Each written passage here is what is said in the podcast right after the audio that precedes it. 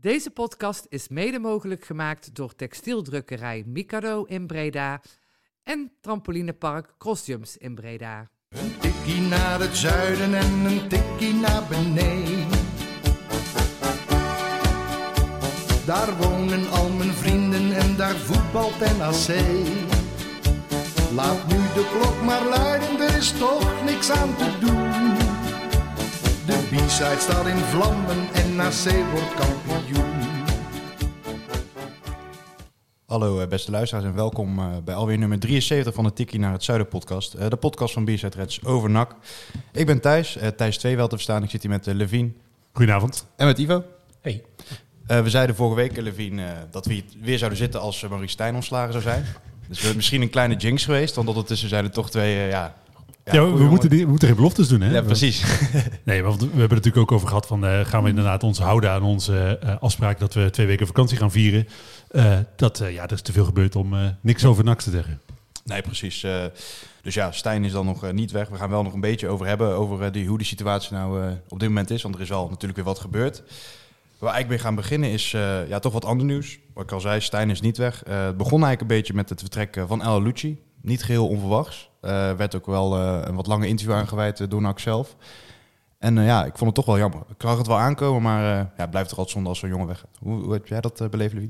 Ja, ik vind het doodzonde. Het is, eh, eh, vind ik echt een sieraad dat eh, de club verlaat. Het is een eh, eh, jongen, hij heeft natuurlijk eh, eh, niet vanaf zijn jongste jeugd bij NAC gespeeld, maar toch wel een deel van zijn eh, jeugdopleiding eh, bij NAC genoten. Eh, doorgebroken, inmiddels eh, negen jaar eh, erop zitten in het eh, geel en zwart. Ja, het is gewoon zonde dat hij vertrekt. Maar eh, gezien eh, eh, ja, zijn prestatie afgelopen seizoen, het feit dat hij niet nogmaals in de KKD wil spelen, eh, ook zijn toch wel relatie met de supporters, denk ik, of een deel van de supporters. eh, Ik denk dat het gewoon een goed moment is om eh, weg te gaan. Ik zou denk ik in zijn eh, positie net zo goed weggegaan zijn. Lustte jij erin, Ivo? Exact hetzelfde, je had het verwacht. Ehm, erg jammer, maar je gunt het hem wel. Dus ik hoop dat hij een leuke stap maakt, want dat is dan natuurlijk gelijk de vraag die uh, naar voren komt. Waarom heeft hij nog geen club? Of waarom maken ze dat dan niet bekend? Ehm, ja, bruggetje zo meteen misschien naar Sydney, wat, uh, waar, het, Ja. waar hetzelfde gebeurt. Maar ehm, ja, ik hoop echt dat hij een superleuke stap maakt. Ehm, er zijn wel, worden wel wat clubs genoemd, maar ja, ik ben gewoon heel benieuwd. Ik, ik, ja, ik zou het leuk vinden om hem in, Ne- in Nederland te blijven zien voetballen. Maar aan de andere kant hoop ik ook dat hij gewoon eh, een financiële klapper kan maken. Want dat zeg jij. Ik ben blij om. Ik hoop dat ik hem in Nederland, eh, eh, dat hij in Nederland blijft. Ik hoop het juist niet. Ik hoop dat hij vertrekt. Ik vind eh, bij dit soort spelers, eh, het is een echte nakspeler wat mij betreft. En dan vind ik het toch gek om die in een eh soort van een andere club te zien. Ja, dat dan weer wel. Maar ik, ja, goed. Wat, wat- ja, ik, ik heb altijd heel veel respect voor hem gehad. Ehm, hij heeft hele goede seizoenen gehad, ook misschien wel wat mindere. Maar hij, hij heeft zich altijd teruggeknokt. En da- vandaar superveel waardering. Ik denk dat, dat, dat hij gewoon een voorbeeld is voor veel jeugdspelers. Ik bedoel, hij is zo vaak afgeschreven, zo vaak teruggekomen. ehm, dat ik het echt ja, bewonderenswaardig vind. Plus het is ook nog een hele aardige gast. Ja. En, eh, En niks van eh dan lof daarvoor. Want hij was natuurlijk met, voor ons dan in de omgang altijd heel erg prima. Hij stond altijd voor ons open om even ja, een gesprek te hebben. Was altijd best wel openhartig, vond ik. Ja, wel professioneel in zijn antwoorden, maar toch wel... eh, ja, maar oprecht, weet je. Thijs, eh, eh, Eén en ik hebben natuurlijk een lang interview met hem gedaan. En eh, dat, het is gewoon een fijne, fijne vent om mee te praten. Het is gewoon een mooi mens. En dat, dat meen ik oprecht. Ik, eh, eh, de manier waarop hij eh, naar zijn prestatie kijkt is eh, eh, altijd, denk ik, heel fair, eerlijk, nuchter, reëel. Niet iemand die naast zijn schoenen loopt. Iemand die ja, wel overwogen dingen doet. En daarom, weet je, is dit ook niet het, het feit dat hij nu vertrekt, is ook geen lichtzinnige keuze geweest. Hij heeft er echt goed over nagedacht. En ik denk dat als NAC eh, gepromoveerd was, dat de situatie misschien anders was geweest. Maar ik, mijn gevoel zegt dat hij dan alsnog vertrokken was. Toch even advocaat van de duivel. Onder dat bericht, eh, bijvoorbeeld ook van Thijs, die best wel een mooie ode aan uh, had geschreven. Toch al wel een aantal fans die zeiden van... Ja, hij heeft wel een staat van dienst bij NAC, maar toch ga ik hem niet heel erg missen op het veld. Hoe staan jullie daarin? En dat is natuurlijk een, een, discussie die we vaker gevoerd hebben. En ik denk, en er zullen mensen zijn die dat bij hoog en bij laag zullen ontkennen. maar ik denk dat het feit dat hij van Marokkaanse afkomst is, uiteindelijk toch een factor daarin is geweest. Eh, het zal geen doorslaggevende factor zijn geweest, want je kunt natuurlijk ook heel veel op zijn eh, spel aanmerken. Hij heeft natuurlijk, eh, wat je zelf ook zegt, goede seizoenen en beduidend minder seizoenen gedraaid. Maar ja, als je naar afgelopen seizoen kijkt, daar die, waar hij bij bijna 30 goals betrokken is geweest. Daar valt gewoon sportief niets op aan te Nee. merken. Eh, qua, qua statistieken. Dan nog kun je zeggen, zijn voorzet en dergelijke zijn niet goed genoeg. vrije trappen niet goed genoeg. Maar op, puur op zijn statistieken is daar niks op aan te merken. En toch zag je daar doorlopend kritiek. Ja. En ik denk echt dat op het moment dat hij... eh, eh, Kenny van der Weg heet had. eh, dat Ja. hij eh, anders bij supporters had eh, gelegen. Ja. Dat denk ik gewoon echt. Dan kijk ik even naar jou, Ivo. Want ehm, een argument dat ik ook voorbij zou komen... dat het misschien een beetje komt door zijn speelstijl. Er zit al wat gemakzucht, wat, wat flegmatiek zeg maar, in opgesloten. Zou het ook daar kunnen liggen? Ja, dat was ook precies wat mij in mijn, eh, eh, bij mij in mijn hoofd naar binnen schoot. Ehm, het verwijt zag je wel eens vaak. Hij, hij verdedigt niet mee, leidt, leidt onnodig balverlies, dat soort zaken. Ja, eh, dit seizoen denk ik, daar is weinig op aan te merken. Ik denk dat hij veel, die, veel van die kritiek, ook overigens heeft hij ook dit seizoen een aantal wedstrijden niet zo goed gespeeld. Onder andere de na-competitie vond ik hem eh, vrijwel onzichtbaar. Ehm, aan de andere kant, ik denk dat veel van die kritiek ook gewoon op, op andere seizoenen waren. Hè. Hij heeft het seizoen, eh, het promotiejaar met, met Angelino vormde die een super tandem. Dat was echt een waanzinnig seizoen. Ook dit, dit seizoen was het weer supergoed. Ja. Ja, ik kan me ook echt wel, volgens mij was het onder Dijkhuis of zo, echt een seizoen herinneren dat het ook, eh, was het, ja, of het degradatiejaar, dat het ook echt gewoon niet liep, dat het ook echt slecht was. Dus, en dat, dat is misschien ook wel waar, veel mensen de kritiek op hebben, dat het geen dragende speler is in die zin dat hij niet in staat was om, om zelf, zeg maar, zoals een Tom Haai of zo deed, de lijnen uit te zetten. Hè. Dus hij is een technische speler, heel begaafd, maar hij heeft ook echt goede spelers om zich heen nodig, denk Ja. ik. Maar Ja, ik daar wel in sta is dat het wel is verbeterd. Want hij kleurt heel erg met het elftal mee. Eh, wat ook vaak werd gezegd, zei oké, met Angelino kan, eh, kan Pietje van Beek vooruit zelfs nog linksbuiten spelen. Maar aan de andere kant vind ik wel dat met name dit jaar is nou niet per se een, een historisch goed jaar geweest van NAC, waarin hij in een heel erg lekker draaiend team Nee. heeft hij toch wel echt puur op statistieken wel een goed jaar gehad. Ja, zeker. Maar liep hij ook wel redelijk, om het even oneerbiedig te noemen, te freewheelen, zeg maar. Ik vond hem niet per se eh, een, een onderdeel van het collectief. Terwijl dat hij wel echt gewoon goede statistieken had, hè. Maar je zag dat hij ook wel af en toe voor zijn eigen geluk aan het spelen was. Wat, wat hem overigens prima gegund is. Maar ehm, ik, vond, ik vond hem niet per se een onderdeel van de teamprestatie. En wa- wa- wa- eh, wat me vooral opviel, was toen Azarkan uiteindelijk eh, een aantal wedstrijden in de baas stond op het einde. Toen ging hij een tandem met hem vormen. Toen zag je hem heel veel ehm, Azarkan opzoeken. Ehm, en dat viel me gewoon op. Eh, ik bedoel, zonder daar verder waardeoordeel, maar dat was echt iets wat me echt meteen opviel. Ik vond dat hij dat ook al had met Dogan op een gegeven moment. Dus ja. Misschien Ik sommige spelers waar die meter klikt. Dat, en ik denk, eh, het is natuurlijk ook wel een beetje zijn rol. Hè? Eh, hij heeft natuurlijk een, een vrije rol in het elftal. Ik denk dat je niet hem één op één mag vergelijken met eh, Tom Haaien. En ik denk, als je dan die vergelijking maakt, dan denk ik, ja, dan moet, To- To- had Tom Haaien ook veel meer kritiek moeten hebben dit seizoen dan die gekregen heeft. Want als er nou iemand een hele zwakke periode gehad heeft, aanwijsbare reden weliswaar, dan is het Tom Haaien ook. En dat is, dat is wel wat mij een beetje dwars zit. Ik denk, je kunt inderdaad sportief van alles op Luce aanmerken, maar onderaan de streep is het gewoon eh, een, van de een van de beste spelers dit seizoen geweest. Absoluut. Nee, maar ik- En hij krijgt onevenredig veel kritiek, vind Nee, ik. vind ik ook, ben ik het helemaal mee eens. Ik ben het ook echt niet eens met die kritiek. Maar ehm, ik wilde hem niet één op één vergelijken, want eh, met Tom, alleen ze zijn een beetje leeftijdsgenoten. Ehm, ik, je zou verwachten van iemand die zo lang al bij NAC speelt, zoveel elftal heeft gezeten, dat, dat je misschien een iets meer een leidersrol in het veld zou hebben. En dat vind ik hem niet. Eh, en dat is misschien past ook niet bij zijn karakter wellicht. Dus eh, Of bij zijn positie inderdaad. Want hij is wel een jongen die op linksbuiten staat op papier, maar eigenlijk een beetje zwerft. Ja. Is dat een jongen die echt eh ja, Maar, in de strijd moet? maar juist samen met de Roy zou je verwachten dat daar wat meer chemie had kunnen ontstaan. Nou ligt dat ook misschien een beetje aan de Roy, die ook gewoon ondergepresteerd heeft. Maar ja. hè, kijk, met Azarkan zocht hij dat daar da- echt wel heel erg op. Dus misschien is dat ook zijn voorkeurspositie of iets dergelijks. Maar goed, ik vind ook de kritiek 9 van 10 keer onterecht. Ik, eh, Nou ja, als je het trouwens hebt over die positie, want je zegt eh, hij heeft een wat vrije rol gehad. Als je dan eh, kijkt, hij heeft letterlijk overal gespeeld. Defensieve middenvelder, centrale middenvelder, linker middenvelder, rechter middenvelder, aanvallende middenvelder, schaduwspits, linksbuiten, rechtsbuiten en centrumspits. Centrumspits dan bij Helmond Sport. Eh, maar hij heeft inderdaad op alle mogelijke posities gespeeld. Uiteindelijk wel het vaakst als eh, linksbuiten en aanvallende middenvelder. Ja. Eh, maar misschien is dat ook wel zijn, zijn makke ergens. Dat hij toch niet helemaal een onomstreden vaste positie in het elftal heeft. Ook dit seizoen natuurlijk gezworven. Een soort Zwitsers zakmes. maar Ja, precies. Ja, Ja. ja. Nee, goed. joh, ik, ben, ik hoop echt dat hij een super toffe club krijgt. Ik hoop dat, hij, eh, dat we hem af en toe nog eens te spreken krijgen. En niks dan lof voor die jongen. Ik, eh, nogmaals, ja, sieraad voor het voetbal. Om dat onderwerp dan af te sluiten. eh, jij ziet het liever niet, Levin, maar tot nu toe worden wel Nederlandse clubs genoemd. En dan met name Heracles, wat al langer speelt. En ook eh, Sparta Rotterdam is daarbij gekomen. Wat jij voor de uitzending al zei, is het toch misschien een beetje jammer of zo. Dat dan zo'n jongen, echt een nakspeler, zo'n stap maakt. Ja, ik wil dat liever niet zien. Ik vind het gek om eh, dan zo'n jongen in een ander shirt te zien zoals het Ik denk wel dat de kans dat het Heracles wordt is toch gewoon het grootste. Die hebben ook op de Ja. tribune gezeten. Ik zou niet weten ja, of, het- of het moet voor Van Hoorn ook geweest zijn. Dat die op de tribune, tribune hebben gezeten. Maar normaal gesproken voor El Lucci. Eh, ik zou het ook geen gekke stap vinden als hij daarheen gaat. Voor zijn carrière is waarschijnlijk goed. Ja. Ik denk dat eh, hij er financieel beter aan doet om naar het eh, Midden-Oosten te vertrekken. Saoedi-Arabië heeft hij eh, eh, volgens mij ook in de krant gezegd dat daar best wel voor eh, grote eh toeschouwersaantallen gespeeld wordt. Nou ja, het is natuurlijk, we hebben het daar wel eens eerder over gehad, een eh, eh, plek op de wereld die eh, qua eh, ja, levensovertuiging goed bij hem past. Eh, en waar hij gewoon ongenadig hard zijn zak kan gaan vullen. En ik denk, hij is nu 26. Eh, dat lijkt me geen onverstandige keuze.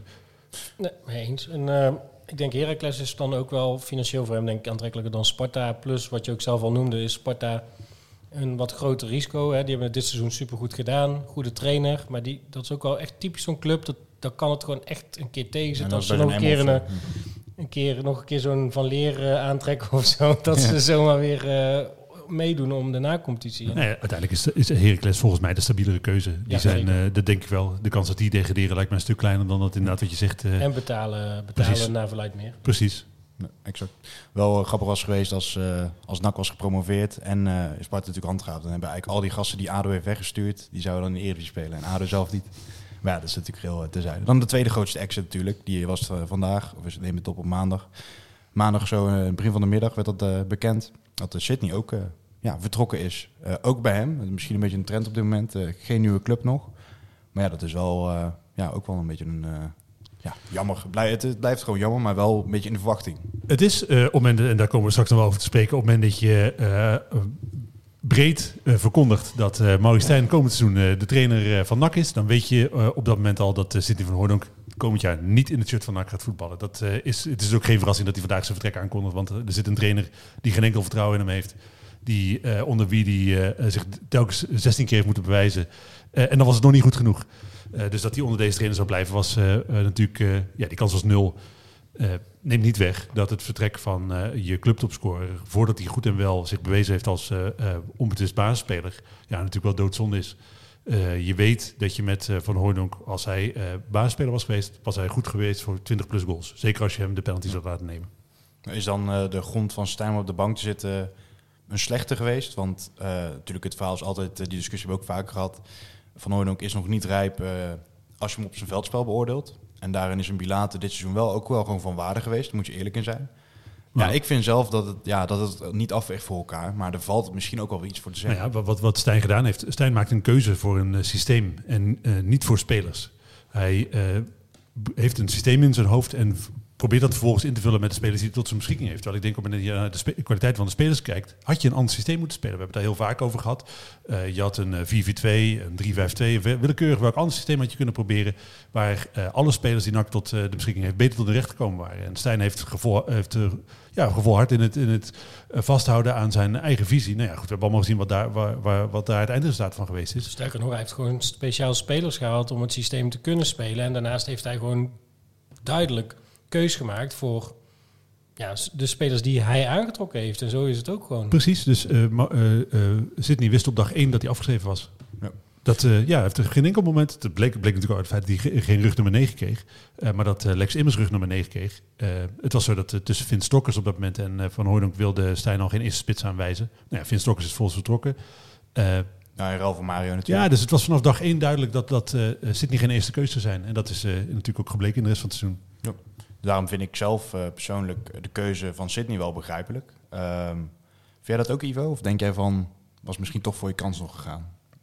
Nee, ik, snap Sydney volledig. Ik vind het wel jammer, omdat een, uh, ik, ik, ik, ik ben het denk ik met veel mensen eens dat, dat, dat die nog niet compleet is. Maar ik, volgens mij heeft die jongen gewoon wel echt potentie. En um, ja, zoals Ton Lokhoff het ook um, in zijn interview aangaf, als je scoort hoor je gewoon te spelen normaal, normaal gesproken. Hè, dat is ook een, uh, een bijzondere uitspraak. Dus, en eigenlijk vond iedereen dat wel. Um, Oké, okay, de kritiek was dat hij misschien uh, voetballend iets minder was. Maar ja, nou goed, ik denk dat hij, uh, dat, dat hij ook wel gewoon redelijk wat nood op zijn zang heeft gehad. Hij wilde gewoon ja. basisspeler worden. Nou, oké, okay.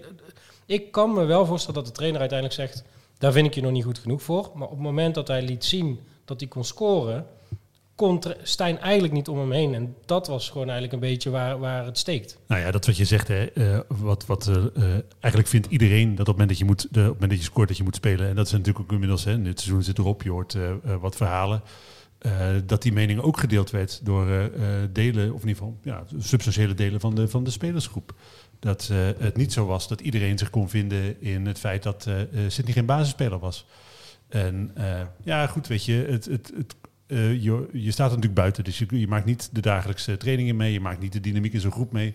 Maar het feit dat dit soort dingen, dat Lokhoff het zegt, dat je eh, verhalen van andere plekken hoort, eh, lijkt het toch echt een persoonlijke keuze van Maurice Stijn geweest te zijn om hem niet op te stellen. En Dat, Ja. dat is zijn recht hè, als trainer. Uiteindelijk is hij verantwoordelijk voor het eindresultaat, is hij verantwoordelijk voor de opstelling, dus hij mag daar de keuzes maken die hij het beste acht. Alleen, je ziet nu wel dat het ten koste gaat van een jongen ja, waarvan toch iedereen met een nakhart graag had gezien dat hij geslaagd was bij NAC. Ja, ze hebben natuurlijk halverwege het seizoen een noodreparatie gedaan door, een kort, door hem een kort contractje extra aan te bieden. September al, hè? Ja, ja nou oké, ja, maar dat, toen was het eigenlijk al een noodreparatie, want toen Hij- speelde dit eigenlijk al. Hij was op dat moment anders transfervrij Ja, weggegaan. ja precies. En, ehm, Maar dat, dat is toch raar, eh, eh, dat alleen al, het feit dat hij op dat moment transfervrij weg mocht.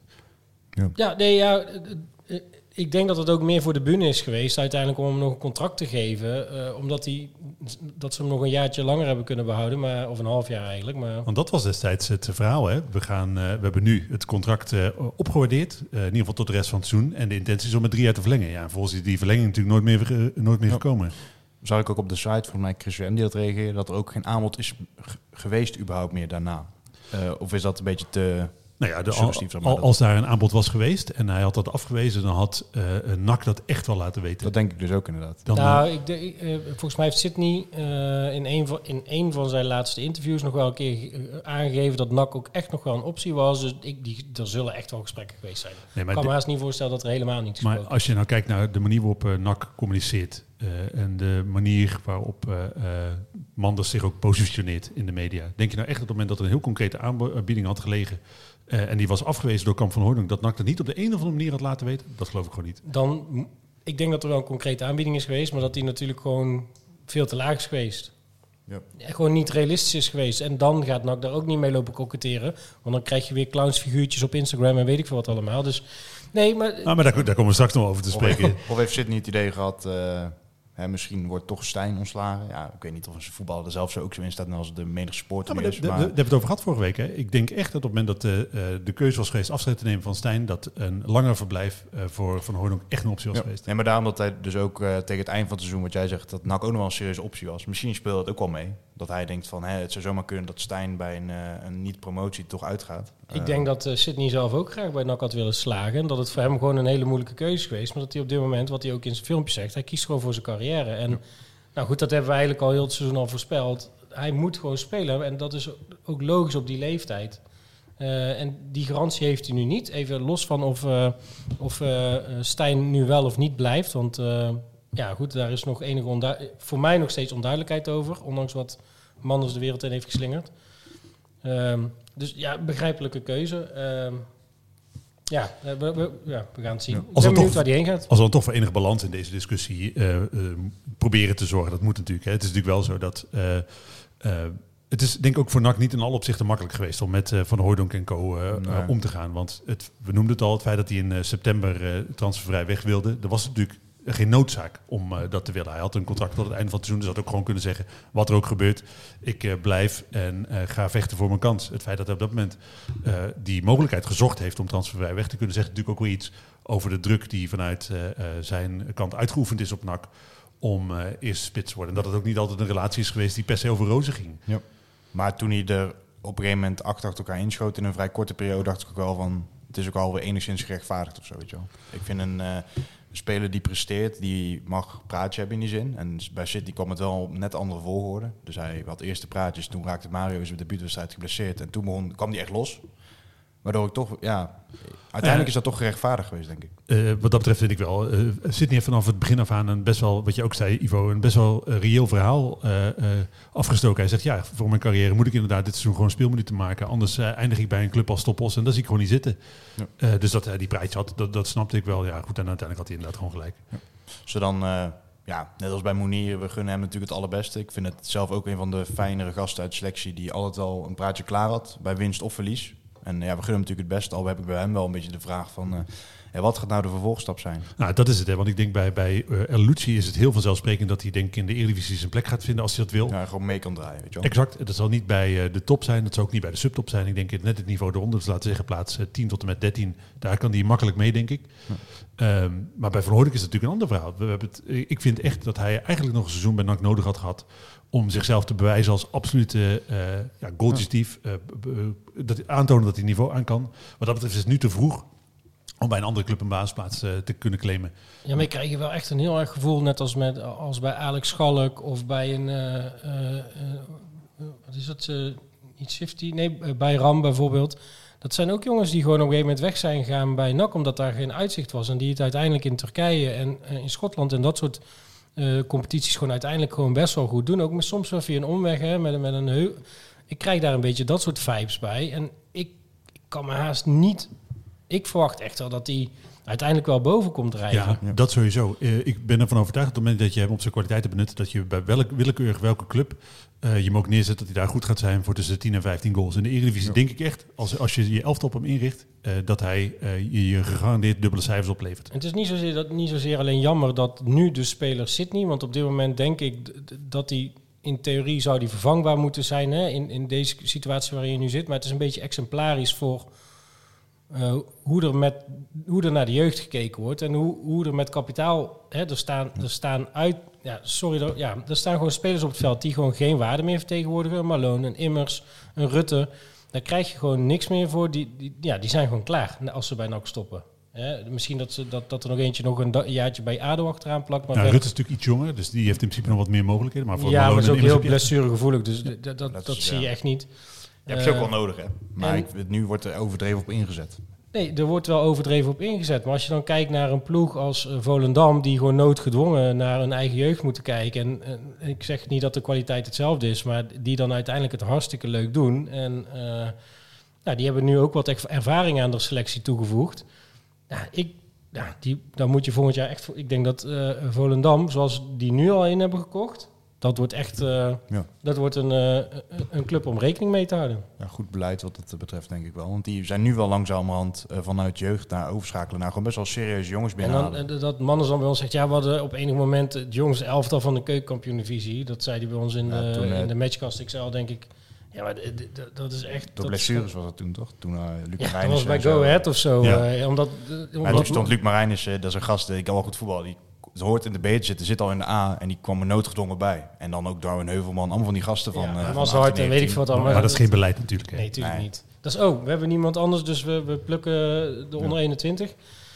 Maar toch, Dus dat we- is het exemplarisch gewoon. Als we van Hoorn uh, uh, afronden, jij zegt, eh, hè, eh, ik krijg een beetje hetzelfde gevoel als bij Alex Schalk. Eh, eh, misschien voetbalt Idab de Haai is ook een eh, voorbeeld van een spits die eh, natuurlijk bij NAC... Bij zou het niet een, een Losje, een Reuvers of een Klomp kunnen zijn... die gewoon echt eh, moeten strijden om überhaupt nog een beetje aan de bak te maar komen. daarom, hè, let op. Waar ligt de top van Van Hooydonk? Ja, dat is moeilijk. Ja, nee, maar dit, die, zijn- hier zijn we voor. Hè? We zijn voor de analyses, voorspellingen. Ja. Ja, als ik heel eerlijk ben, heeft misschien ook wel een beetje met zijn naam te maken. Maar ik denk dat zijn top echt wel gewoon eh, de, de eerste spits van Feyenoord of misschien een Schotse topclub is of zo, of Turkije. Een beetje subtop gewoon van Europa. Dat is zijn top. Maar in het slechtste geval, dat is het, het lastige bij spelers die niet heel goed zijn. Bijvoorbeeld een Dirk Kuyt was ook zo'n type. Die heeft ook extreem ver geschopt iemand met zijn kwaliteiten. Maar als, je- als je het een beetje tegen zit, dan kun je ook Zijn zomaar... vader is, eh, eh, Pierre is natuurlijk het ideale, het, het Ja. ultieme voorbeeld. En ik denk Dat hij ook een daarom misschien ook wel wat meer kansen gaat krijgen. Want als jij zijn Insta ziet, hij heeft volgers over heel Europa. Er zijn eh, Celtic-fans, eh, allerlei gewoon Fenerbahce-fans natuurlijk, die zijn altijd best enthousiast. Die allemaal reageren van ja, dat, dat, we toch altijd een beetje leven, denk ik, rond zo'n jongen. En ik denk dat zijn plafond echt heel hoog ligt. Want het is wel een jongen met gewoon echt een neus voor de goal. Maar als je erop terugvalt, is het natuurlijk wel een beperkte voetbal. En zou het ook zomaar eens kunnen dat, die, dat er helemaal niks van komt. En dat vind ik zo heel lastig bij die jongen. Als ik het dan toch positief bekijk, denk ik wel dat hij gewoon echt eh, het Eredivisie nou wel kan halen in ieder geval. Sowieso. Ja, dat denk ik sowieso. Ehm, ik, ik zie hem niet direct bij een Ajax of wat dan ook eh, schitteren. Maar ehm, ik weet niet, ik kan, ik kan het eh, niveau niet zo goed vergelijken in Schotland of in eh, de Championship of ehm, ehm, eh, in Turkije. Ik, weet- ik weet niet hoe groot dat verschil is. Kijk, Fenerbahce, zo, dat is natuurlijk, ja, dat is gewoon een Euro- Europese subtop. Maar ik weet niet of dat trouwens nog steeds zo is. Maar Dat is niet die eh, eh, Ferdi Kadioglu die eh, van NEC de overstap gemaakt heeft uiteindelijk naar Fenerbahce. Dus op zich, het is vanuit de eerste divisie blijkbaar een stap die te doen is. ja, dus dat. Maar Fenerbahce was vroeger toch echt wel een hele grote club. Geworden. nog steeds een grote Nog club. steeds hoor. Ja, groot, net zoals NAC een grote club is, maar gewoon onder Derde geworden in, volgens, mij, volgens mij derde geworden. Oké. Ik, Cardioli is toch nog een jong oranje? ik zie hem niet, ik zie Sydney niet direct in de pre- eh, Premier League of zo spelen. Maar eh, een, een, een Nederlandse subtop, eh, Turkije, Schotland, ja, dat, dat, dat zie ik hem wel doen. Ik denk dat het een beetje afhangt van hoe de komende jaren eruit zien. Op het moment dat hij eh, eh, eerste spits wordt bij een eh, club op een beetje een redelijk niveau. eh, of dat nou, de, ik denk niet dat het top van de KKD wordt, want dan had hij net zo goed kunnen blijven natuurlijk. Dus hij zal mikken op de eredivisie of een buitenlandse Top competitie. van de KKD. Ja goed, dat zou- kunnen we het ook nog over hebben. Maar ik, ik denk dus dat hij mikt op de eredivisie eh, of het buitenland. En dan lijkt me Schotland eh, de meest veilige optie op dit moment eh, voor hem. En hij is daar, nou ja, dan- je noemde al Schalk, die daar een paar seizoenen eerste spits bij Ross County was. Of trouwens niet eens onbetwist basisspeler, maar daar toch wel eh, Hij heeft minuten de gemaakt. heeft. winnende in de, in de beker gemaakt. Klopt. Eh, dan denk ik, als hij een paar, twee goede seizoenen heeft, dan eh, ligt zijn top. En dan ben ik het echt met Thijs eh, eens, echt heel hoog. Want hij gaat natuurlijk alleen maar beter worden. En het is zo dat hij over een kwaliteit bezit die ongelooflijk veel geld waard is in het voetbal. Doelpunten maken. Eh, en dat is iets wat hij gewoon echt beheerst. En dat, dat koppelt hij ook nog eens aan een eh, ongelooflijk goede eh, traptechniek. En dan denk jij, je hoeft maar naar de carrière van zijn vader te kijken. Eh, Ja, ik, ik, ik weet maar- niet zo goed hoe het tussen zijn oren zit. Hoe, hoe is zijn mentaliteit? Dat heb ik er nooit helemaal uit kunnen halen. Hij was wel gedreven. Maar een maar- trainingsbeest hoor. En kijk eens naar hoe hij zich afgelopen seizoen opgesteld heeft. Hè. Hij heeft natuurlijk achter de schermen eh, ruzie gemaakt, maar naar buiten toe nooit nee, stap nee, zeker. bijgemaakt. Nee, dat- dat- oh, 100%. Nee, zeker. Zijn vader heeft meer problemen veroorzaakt dan eh, hij Ja. zelf. eh, eh, nee, als, je- als je het over publieke optredens hebt.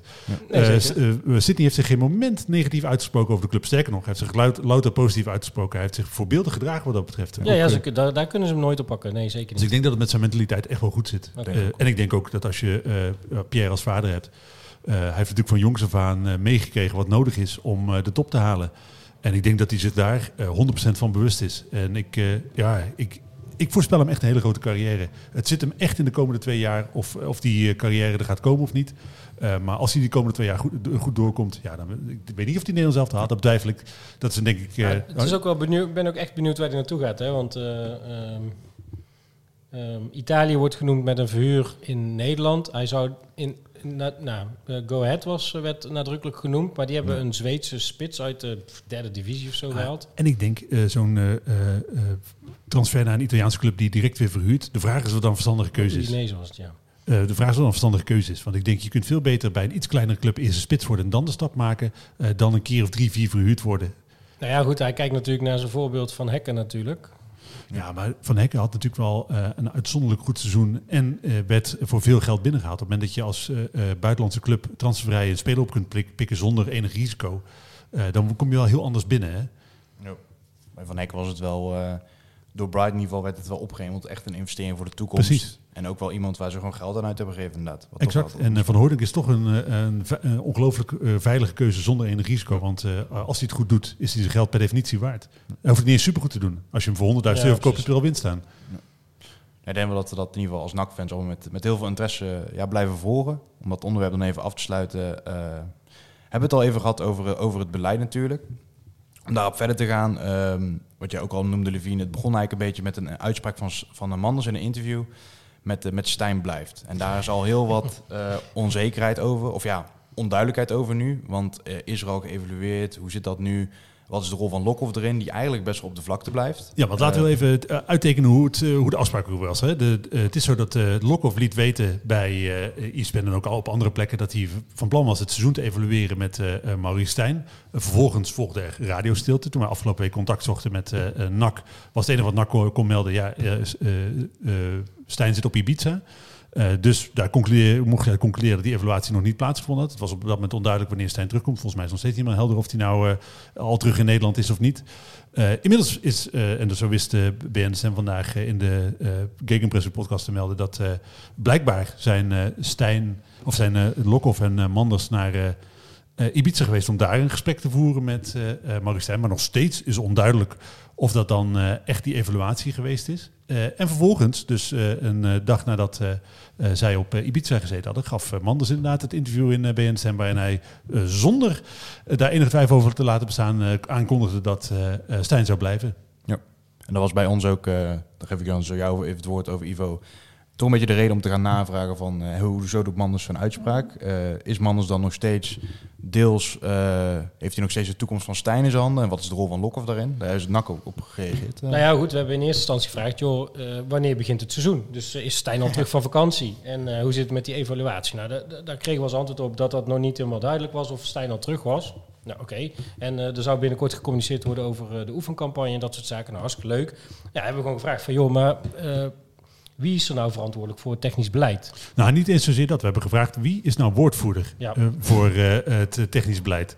En ehm, ja, daar kwam eigenlijk ehm, ehm, nou, uit naar voren zoals je het zou verwachten. Hè? Dus lange termijn technisch eh, en transfers Ton, Ton Lokhoff. Ja. Operationeel en organisatorisch Matthijs Manders. Dus gewoon alles wat met NAC verder te maken heeft. En eh, alles rondom het elftal eh, Stijn. Ehm, nou, dat is ook wat je dan uiteindelijk verwacht. Ehm, maar of die evaluatie nu plaats heeft gevonden, en dat is een beetje het raar in het verhaal, daar wordt niet over gerept. Ja, maar wat, wat, natuurlijk al meteen interessant is, op het moment dat je zegt, oké, eh, organisatorisch, dat is eh, Matthijs Manders en operationeel, technisch is Ton Lokhoff en dagdagelijks rond wedstrijden is Stijn. Dan is het natuurlijk het feit dat Matthijs Manders in BN De Stem een interview geeft, waarin hij het over het lange termijn technische beleid heeft, namelijk de positie van eh, de trainer, natuurlijk al meteen heel vreemd. Ja, nee, dat, dat dus kan niet, dat kan niet. Dat is zijn Het, wie- het wierp vo- veel vragen op op Twitter, bij ons op de site. ehm, eh, ook in de diverse appgroepen werd er lustig op losgediscussieerd. Van waarom spreekt Matthijs Manders hier voor zijn beurt? Want zo voelde het eigenlijk een beetje. Je verwacht eigenlijk dat ze gaan evalueren. Dat niet ze, alleen voor zijn beurt, het is zijn rol niet. Ja, dan zou ik weer kunnen twisten van, hè, is organisatorisch, valt daar personeelsbeleid ook onder? Ja, het is Hij voelde de wel, noodzaak om te reageren. Want de, de, de kritiek is natuurlijk na het mislopen van de promotie enorm eh, opgelopen. Dus hij voelde na een week, het was precies na een week nadat we eh, eh, niet, ge- niet gepromoveerd waren. Het voelde nog steeds als degradatie, maar... Ja.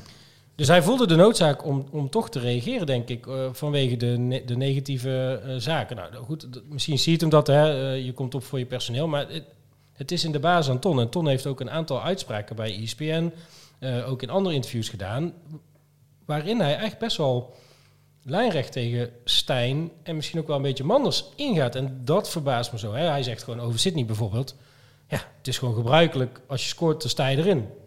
Hij zegt het gewoon letterlijk, heeft hij het gewoon gezegd. En ehm, Suntjes eh, was niet mijn... eh, hebben ze- ja, ik heb, allemaal pas, ik heb pas in januari gesproken met Manders. Het zijn allemaal dingen waar hij nou eigenlijk uiteindelijk een ander verhaal vertelt dan NAC daarvoor heeft verteld. Dus dan bekruipt je het gevoel dat, dat daar iets aan de hand is. En eh, Manders zegt ook, hè, die heeft ook nog bij ons in de matchcast gezeten, heeft ook nog een aantal keer ons te woord staan. Zegt, nee hoor, alles is koekenij, het, gaat hartstikke goed in harmonie.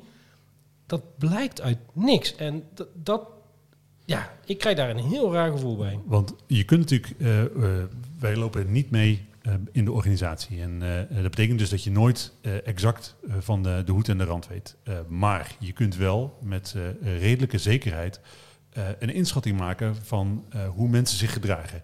Je kunt wel, daar kun je best wel analyses op loslaten. En als je dan kijkt dat Lokhoff nog in geen enkel interview Stijn gesteund heeft. In geen enkel interview. Dat Stijn op zijn beurt eh, de eerste mogelijkheid die hij kreeg probeerde Lokhoff onder de bus te gooien. Namelijk van, eh, ik ben niet de enige die weg is geweest en niet in quarantaine is gegaan. Daar zit er nog in. De technisch directeur, die is ook niet in eh, quarantaine Ja. geweest.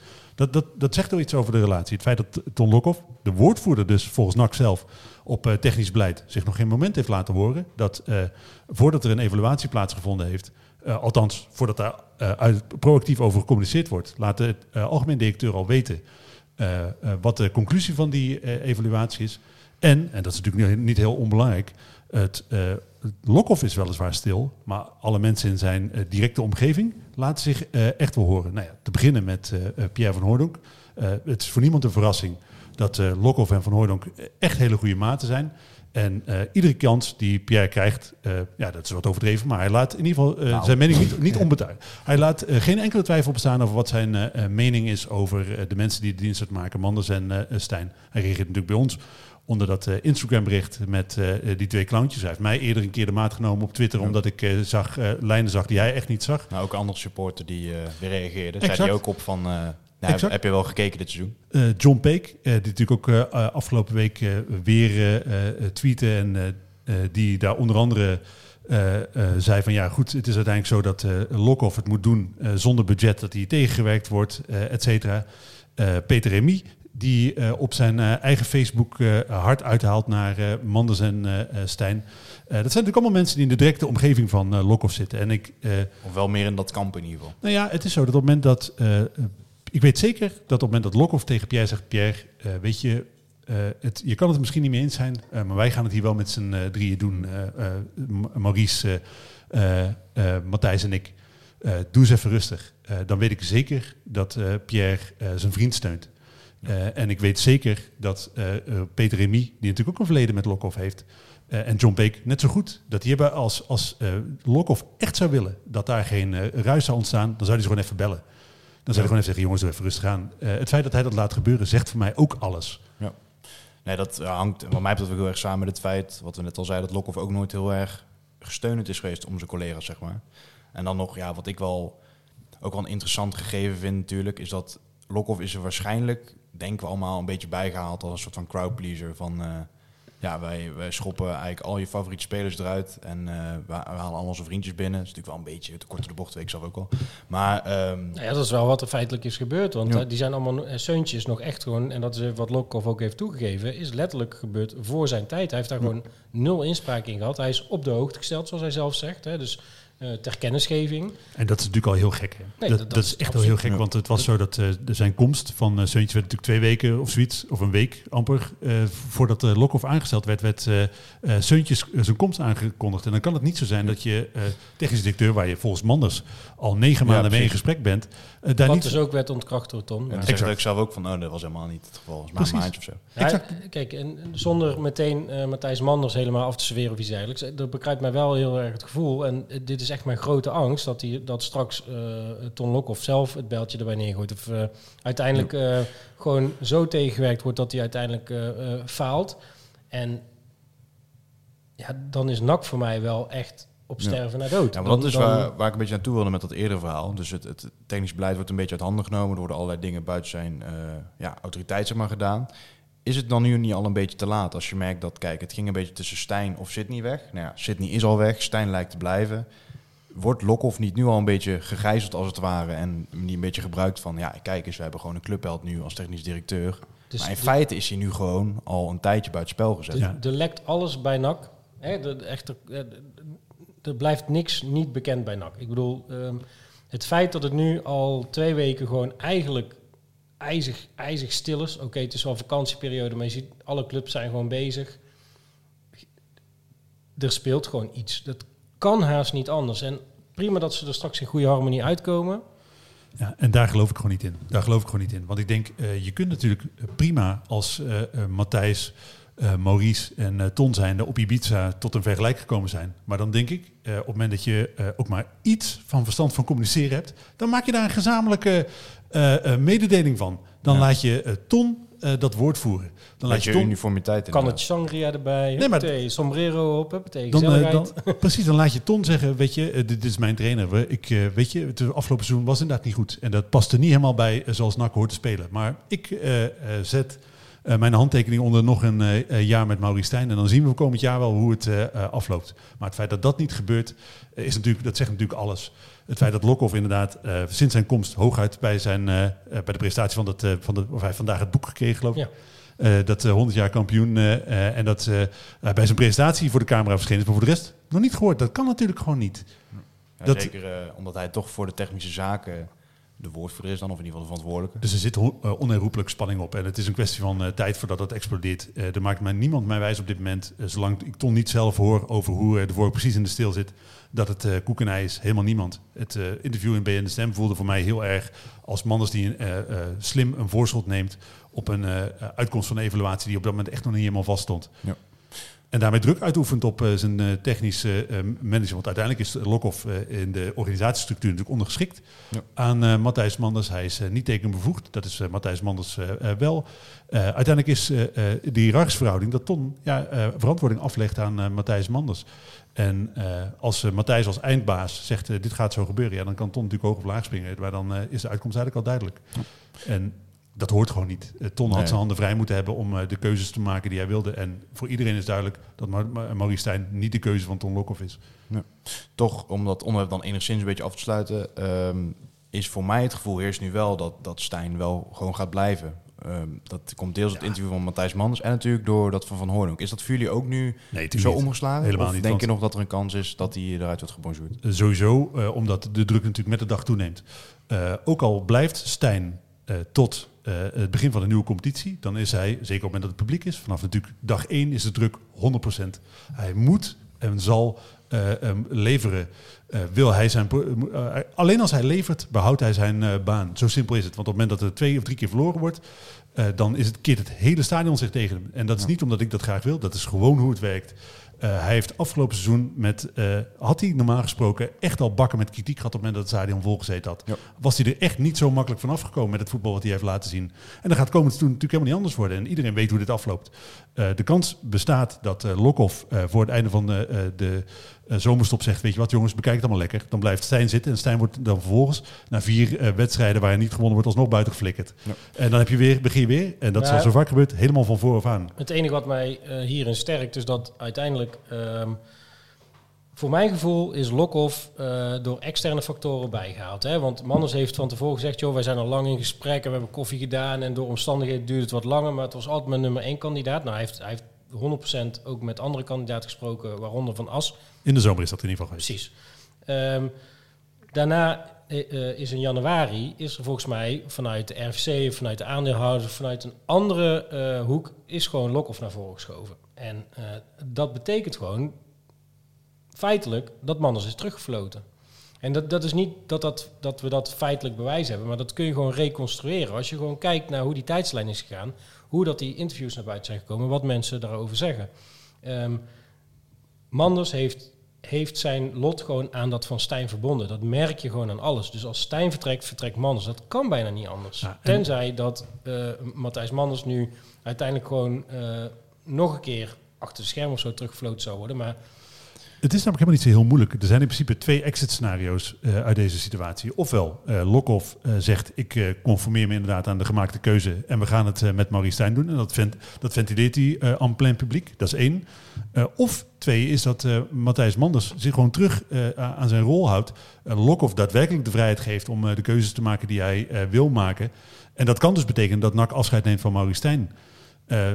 Zo moeilijk is het niet. Maar zolang hij inderdaad, zoals jij ook terecht aangeeft, Ivo, zijn lot aan dat van uh, Maurice Stijn verbindt, is er geen enkele eh, uitkomst die eh, de NAC geen schade toebrengt. Toch Nee. zou een weldenkend mens dan zeggen, doe het dan alsjeblieft nu. En laat hem niet eh, de hele selectie deels samenstellen met Lokhoff en dan na vier speel. Want dat hebben we natuurlijk al een aantal keer gehad. Hè?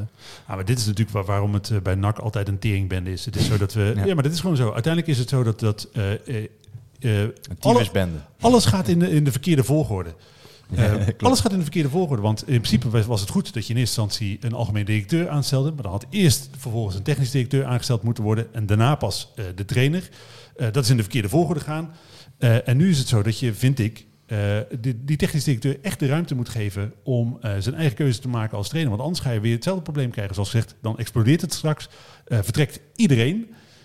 Eh, en dan begin je weer van vooraf aan. Dan zal je zien dat het weer in de verkeerde volgorde gaat. En ook toch gewoon, als je op, eerlijk bent, objectief kijkend, ehm, is het gewoon het gewenste beleid toch dat een trainer zich ondergeschikt maakt aan zijn eh, selectie die hij krijgt van de technisch directeur. Technisch directeur hoort er over het algemeen langer te zitten dan een trainer. Dat is bijna natuurlijk ook niet altijd vanzelfsprekend. En dan ga ik, een- een beetje terug op dat wat je zei over, over Sydney. Sydney paste niet in het systeem van Stijn, dus hij kon bij spreken oprotten, zeg maar.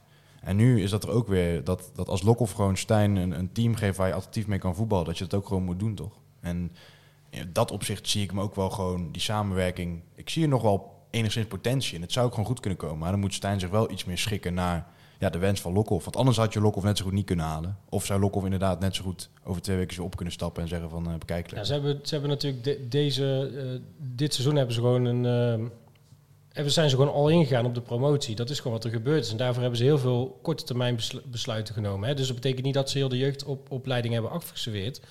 Maar ze hebben er in ieder geval geen, geen gebruik van gemaakt. Wat ook gewoon uiteindelijk eh, de jeugdopleiding eh, een jaar terugzet. Ook zeker met de stilstand van de onder 21 Ja. natuurlijk en zo. Ehm, er, is geen, er is geen basis om verder op te bouwen. Je hebt een paar leuke spelers nog in, in, de, in de selectie staan. Eh, het is echt niet, niet ondenkbaar dat een speler als Haaien en zo ook nog gaat vertrekken. Misschien een Olij wel. En dan heb je gewoon uiteindelijk gewoon helemaal niks als drie, drie spelers uit, de, uit Den Haag die gewoon eh, bijna de 40 passeren. En dan, ja, eh, ja, Want laten we heel even wel wezen, eh, komend seizoen is de belofte van Matthijs Manders, gaan wij promoveren. Ja. Want het was zo dat als het dit jaar niet zou lukken, dan zou het volgend jaar lukken. Dat is de belofte. En ik, eh, eh, ja goed, ik, ben zou, ik, ik wil heel gra- eh, inderdaad, ik wil heel graag geloven dat het gaat gebeuren, maar ik heb echt geen flauw idee hoe we dat voor elkaar gaan krijgen. Want je hebt natuurlijk drie eredivisieclubs erbij gekregen. Je noemde het al dat Volendam zich versterkt. Rode SC is natuurlijk ook een club die nog steeds ambities heeft om te promoveren. De graafschap geldt exact hetzelfde voor. Er zijn denk ik zo zes, zeven kandidaten aan te wijzen naast NAC. Die komend seizoen, eh, eh, Almere City natuurlijk weer, Ja. die heel graag, eh, om, met, eh, trouwens met Gertwijn van Beek een eh, grote trainer binnengehaald. Ja. Sowieso acht kandidaten die je kan bedenken voor die eh, twee promotieplaatsen. Eh, en misschien die derde via de na-competitie. Nou, de kans dat NAC daar op dit moment bij zit is, eh, denk ik, op basis van wat je op dit moment hebt. En eh, de interne chaos die het op dit moment eh, eh, is. Ja, die kans is natuurlijk nul dat wij op dit moment eh, met de, in deze situatie gaan promoveren. Dat gaat nooit van het leven gebeuren. Ja, dat eh, ja, ben ik wel met je eens. En daarom eh, blijven we denk ik gewoon... tegenstelling tot afgelopen seizoen niet ongeslagen kampioen, maar gewoon zonder enige overwinning eh, laatste. Nee, dat, dat gaat ook niet gebeuren. Want, maar ik- weet je, we gaan, eh, als ik een- nu een inschatting moet maken van hoe het er komend seizoen uit gaat zien, eh, spectaculaire ontwikkeling in de transferzomer eh daar gelaten, eh, dan ga je toch net zo'n seizoen als dit seizoen tegemoet, waarin Beetje je Black 4-5. Ja, met, het, met hetzelfde voetbal, eh, met hetzelfde gebrek aan idee, eh, met hetzelfde gebrek aan kwaliteit eh, eh, uiteindelijk wellicht. Omdat je natuurlijk niet meer geld hebt te besteden dan eh, afgelopen jaar.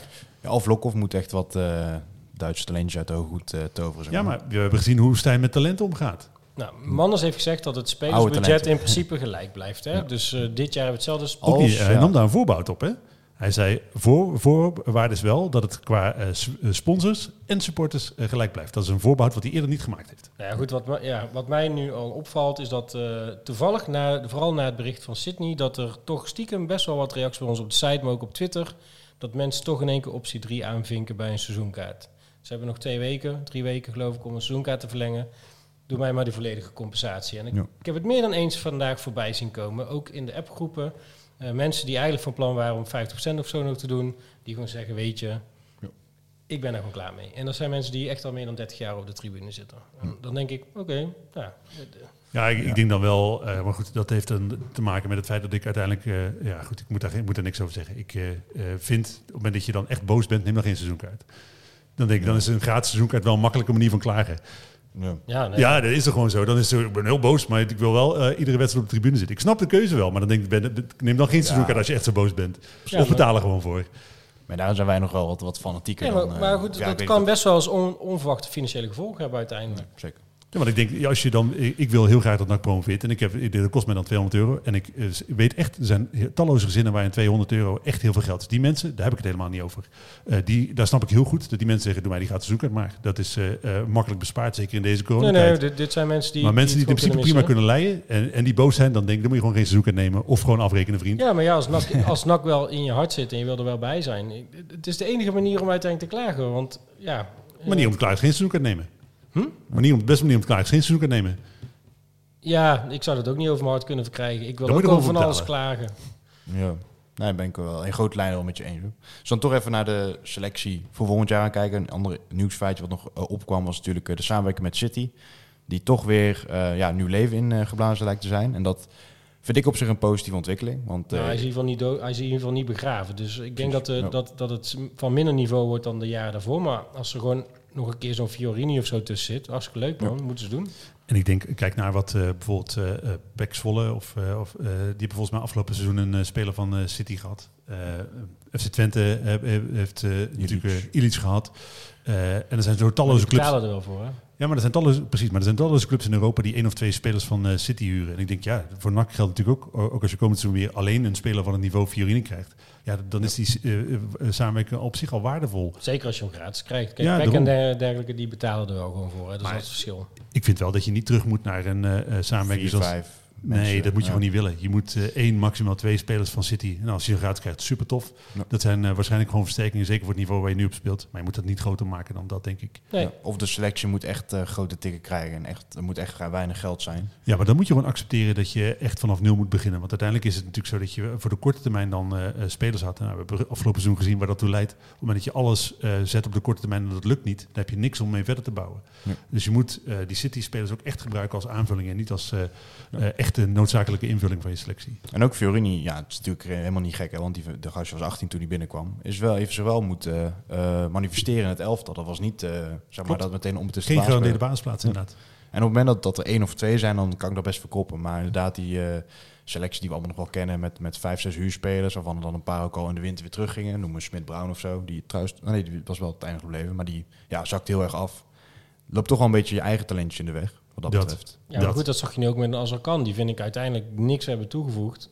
Ehm, ja, en wij hebben gewoon een gratis speler opgeleid voor Feyenoord. Hendricks vond ik een ander verhaal, want dat, daar hadden we direct versterking nodig. En dat bleek ook direct een versterking, dus dat vind ik wat Maar anders. toch, Azarkan was wel beter dan de andere wissels die we hadden, toch? Ja, maar heeft het nou zoveel, had het nou zoveel uitgemaakt om daar een jeugdspeler Ik denk te laten ontwikkelen? Als je, eh je Kerstens is misschien nog niet van het niveau dat eh, je nodig hebt om te promoveren. Maar ik denk als je een speler eh, had laten spelen, gewoon een half seizoen lang. Als je kijkt hoeveel buitenspelers wij gebruikt hebben. Ja. Dan was hij toch richting het einde van het seizoen ook gewoon beter geworden. Ja. Ja. Dat kan er niet dat- Maar anders. ja, ik vind dat niet per se ja, alleen over een huurling gaan. Ik vond dan zou ik zeggen dat de, de aan, het aantrekken van Maatsen best wel een rare. Ja, dat, dat was. zeker. Dat, waarom? Echt. Ja. Die heeft... eh, eh, ehm, Ja, zeker omdat je toen al wist dat de 121 stil lag. Denk ik van. eh, Jansen. Maar goed, dan dwalen we langzaam weer af naar het eh, afgelopen onderwerp. En dat is natuurlijk zo. Dit is denk ik echt een eh, eh, clash tussen eh Lokhoff, die natuurlijk ook de afgelopen jaren zich bezig gehouden heeft met talentontwikkeling. Eh, alle andere mensen in je eh, organisatie die zich bezighouden met eh, eh, de ontwikkeling van de jeugd, Helmonds en co. Eh, en de man die verantwoordelijk is voor de eerste elftal. Die eh, alleen maar zich op de korte termijn focust. En dan zegt, ik heb, er zijn wel spelers beter geworden, zei eh, Manders ook. Maar ja, dat zijn allemaal spelers waar je geen reet aan hebt. Alf Hellemons ook al in het verleden een keer aangegeven in een interview. Dat hij, dan zegt hij ook wel eerlijk van ja, een trainer moet ook wel gewoon een selectie hebben die er nu op dit moment staat. En als een, een jeugdspeler zeg maar 60% zekerheid geeft en een, een ervaren gast als een Moreno Rutte bijvoorbeeld geeft net 85, 90% zekerheid, dan is dat natuurlijk ook wel te verdedigen dat hij dat doet. Ja, maar goed, eh, alle spelers die in de winterstop gehaald zijn, waren natuurlijk eh, eh, spelers dat- die eh, echt niet nodig waren voor de kern van je selectie. Nou, Maar alleen eens. maar aanvulling. Als Anko natuurlijk wel ook tegengevallen. Hè? Want grappige was dat iedereen er- wel een stuk meer van verwacht. Bij, bij het begin van het seizoen werd er gerecht- geroepen... nee, we gaan met een kleinere, effectievere selectie werken. In plaats van 30 gaan we naar 25. Maurice komt binnen. Nou, de, de eerste lading met, met spelers die werd gelijk gehaald... en we zaten zo weer op 30 selectiespelers. En dat is de, al het geld is op.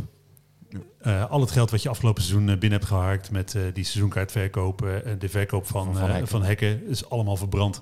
Eh, want het feit dat eh, Manders nu al terugkabbelt en niet meer de, hond- met 100% zekerheid durft te zeggen dat die eh, budgetten gelijk blijven, maar zegt afhankelijk van sponsoren en eh, supporters, eh, zegt dat er, eh, wat mij betreft, dat er niet een heel groot substantieel deel van die transferinkomsten nog op de plank ligt om uitgegeven te worden komend, komende transferzomer. Nee, ja, dat, is, dat is natuurlijk een makkelijk excuus nu, hè? Corona. Ja, Ja, de stadions waren leeg. Ja, nee, maar zo, zo, ja, je je kan het eigenlijk al bijna uittekenen. Maar. Ja, klopt Zodan, al met eh, al een vrij deprimerend... eh, Ja, het is gewoon fucked up, weet je. En ik, word, eh, eh, ik hoopte een beetje dat dit een therapeutische sessie zou zijn, maar ik word gewoon steeds kwaadaar. Eh, dat is gewoon zo. Ik- het is zo'n ongelofelijke kutzooi dat je, dat je club ieder jaar weer van, van crisis naar crisis stompelt. En dan kun je Ja. zeggen, je bent er zelf debet aan. Want ik roep natuurlijk al maanden om het ontslag van Maurice Stijn. Eh, dus ik ben daar, wellicht ben ik eh, eh, eh, net zo goed onderdeel van het probleem. Misschien wel. Eh, maar uiteindelijk ben ik als supporter eh, echt niet degene die de dienst uitmaakt. Ben ik echt niet degene die de beleidskeuzes maakt. Ja. En er zijn daar mensen die daar heel veel geld voor krijgen. Die daar keer op keer op keer op keer op keer een eh, puinzooi van maken. En daar ben ik echt, echt wel klaar mee. Ja. Maar Ja, ik, ik ook. kan je wel wat, wat, wat opvroken natuurlijk, een beetje therapeutisch gezien. Eh, want onze vrij oude selectie, zonder restwaarde, waar alle herkenbare spelers vertrokken zijn, herbergt wel nog steeds enkele internationals. Dat is het eh, volgende onderwerp waar ik even naartoe wilde. Dion Malone, eh, niet, eh, zelf niet in actie gekomen. Maar dat Suriname heeft toch op zich wel een prima team staan. Zo, eh. Ik denk dat het voor Malone super cool is dat hij nu international is, maar dat zijn inter interlandcarrière na twee interlands ook wel een redelijk eind klaar is met de spelers die er eh, bij gekomen zijn bij Suriname. het is helemaal geen schande dat hij geen basisspeler is bij Suriname met het elftal wat ze op dit moment hebben staan. En er komen, ja goed, voor de WK-kwalificatie rekenen natuurlijk gewoon geen spelers meer bij, maar je mag ervan uitgaan dat in het komend jaar nog echt wel Ja. een paar spelers die ook al in de centrale, centrale verdediger op het middenveld uit de voeten kunnen, daar nog bij gaan komen. Maar wel ontzettend vet voor hem, vind ik. Want het is natuurlijk wel... eh, Hartstikke ja, cool, man. international En zo'n... Ja, het is dan wel tegen Bermuda was het volgens mij. Of was dat... eh, Ja. ja. in ieder geval dan... Ja, het zijn geen hoogstaande wedstrijden, maar het is wel gewoon een, een interlandtrip. eh, Je bent daar met gasten uit je eigen ja, land van. Ik weet niet of hij er ook echt is opgegroeid, volgens mij niet. En daar hebben we het al eerder over gehad. Hè. Het is zo dat je van dit soort wedstrijden onder druk... eh, want op dit moment is het natuurlijk zo dat je met die wedstrijden tegen Bermuda en dergelijke... dat zijn natuurlijk ja, dat zijn gewoon oefenpotjes voor eh, Suriname. Er staat een confrontatie met eh, eh, Canada te wachten. En Canada is normaal gesproken de eh, andere echte serieuze kanshebber... om groepswinnaar te worden in die eh, pool. Eh, ja, dat zijn natuurlijk wel wedstrijden onder, onder druk. En als je onder, eh, met dat soort druk... eh, in je interlandcarrière om dit te gaan, dan heb je daar natuurlijk in je clubcarrière ook voordeel van. Dat Ja. is gewoon zo. Nee, zeker. Dan een Misschien, andere... kan hij een goed woordje doen voor andere centrale verdedigers om bij NAC te komen spelen. Ja. Ja, we hebben ook nog moois, hè. Dat is ook wel eh, een goede verdediger natuurlijk. Dan de, de andere fan-favorite Maria, noemen we maar even. De, ja, die toch ook weer in de play-offs als invaller zijn waarde liet zien. Heeft ook twee keer gescoord voor Curaçao. Wat dat betreft wel eh, prima ontwikkeling. Dat Eh, was tegen de Britse Maarteilanden. Dat was natuurlijk een wedstrijd die, eh, Ja, waar binnen een kwartier al eh, eh, 0-3 en na een half uur 0-6 stond. Eh, dat was, ja goed, dat, maar wel twee goals. Ja, als linksback is dat natuurlijk niet eh, heel verkeerd. Om daar nog even op in te haken, gaat dan niet per se over de Interland zelf. Natuurlijk ook voor hem hartstikke vet. Eh, maar hoe zien jullie zijn eh, potentieel of toekomst bij NAC? Het is, ik vind het een beetje een, een lastig geval wat dat betreft. Hij heeft, eh, als je naar zijn carrière kijkt, eh, eigenlijk nooit eh, is hij een seizoen lang... eh, er zit geen enkel seizoen tussen waar hij 34 wedstrijden gespeeld heeft. Ook bij Twente toen snel weer, al was het ook wel een blessure bij betrokken volgens Klopt, en hij heeft eh, in Duitsland natuurlijk gezeten, waar hij ook geen eh, eh, 34 wedstrijden gespeeld heeft. vind ik het ook niet per se een, een, een speler voor in de Duitse competitie, zeg maar, met hoe hij voetbalt. Nee, maar dat betekent wel, hij is nu 26. Eh, en hij heeft dus nog geen enkel seizoen gehad waarin hij eh, eh, van start tot finish alle wedstrijden gespeeld heeft. En dat is, daardoor kun je niet heel goed inschatten hoe, wat zijn niveau precies is. Gertjan van Beek wilde hem niet voor niets per se meenemen naar Duitsland. Ja. Dus hij zal echt wel capaciteit hebben. Hij heeft inmiddels volgens mij 30 in het land, zo rond die koers voor Curaçao gespeeld. Hij kan echt wel iets. Ja. Alleen hoe goed hij is, ja, dat weet nog helemaal niemand. Ja, maar is het dan ondenkbaar dat hij ook misschien nog gaat vertrekken? Of, Hangt denk ik een beetje af van of Stijn trainer blijft. Ja. Eh, als eh, Stijn eh, vertrekt, dan eh, kan ik me voorstellen dat Lokhoff voor andere linksbacks eh, kiest. ja, want als je dan objectief kijkt, is het natuurlijk een jongen die nog niet mega veel heeft laten zien in het NAC-shirt. Want het is ja, ook wel dingen. Hij, het is een offensieve back. Hij durft, ook wel, hij durft ook wel wat, maar er komt nog niet bijster veel uit. Als je dan bijvoorbeeld kijkt wat zijn collega aan de rechterzijde Schouten al brengt op jongere leeftijd. Ja, daar- maar beide zijn gewoon verdedigend gewoon minder sterk. En, maar eh, vind jij Maria aanvallend per se heel sterk? Ja, Kijk, ik hij, heb hij- hem wel hij een loopt mee naar Hij heeft voren. wel een paar wedstrijden wel echt leuke dingen laten zien. Eh, maar ook eh, eh, bij vlagen. Dus het is niet Ja. dat het continu was. En ehm, die onzekerheid, dan denk ik, oké, Mazart was ook niet altijd een zekerheidje. Maar dat is wel een jongen die jonger is, die misschien meer restwaarde Ik heeft vond die uit ook eigen echt, jeugd. ik eh. vond die ook echt, oké, die heeft ook echt wel foutjes gemaakt. Maar ik vond hem ook best wel oké af en toe. En dan denk ik, als je die gewoon al het vertrouwen geeft, je laat hem gewoon spelen, dan groeit hij. In de jeugd stond hij, volgens mij zei jij dat, dat hij ook Ja. echt toch bekend stond.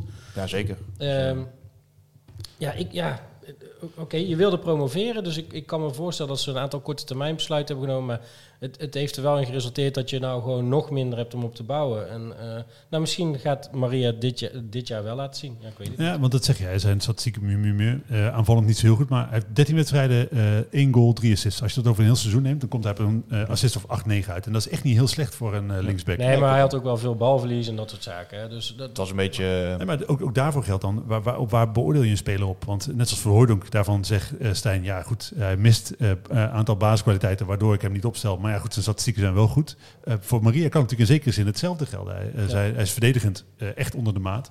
Eh, maar dat is misschien zijn kwaliteit ook niet. Als je zegt, ja, ik, puur als offensieve back eh, eh, moet hij zijn taak vervullen. Ja, dan denk ik dat hij met zijn statistieken na een half seizoen...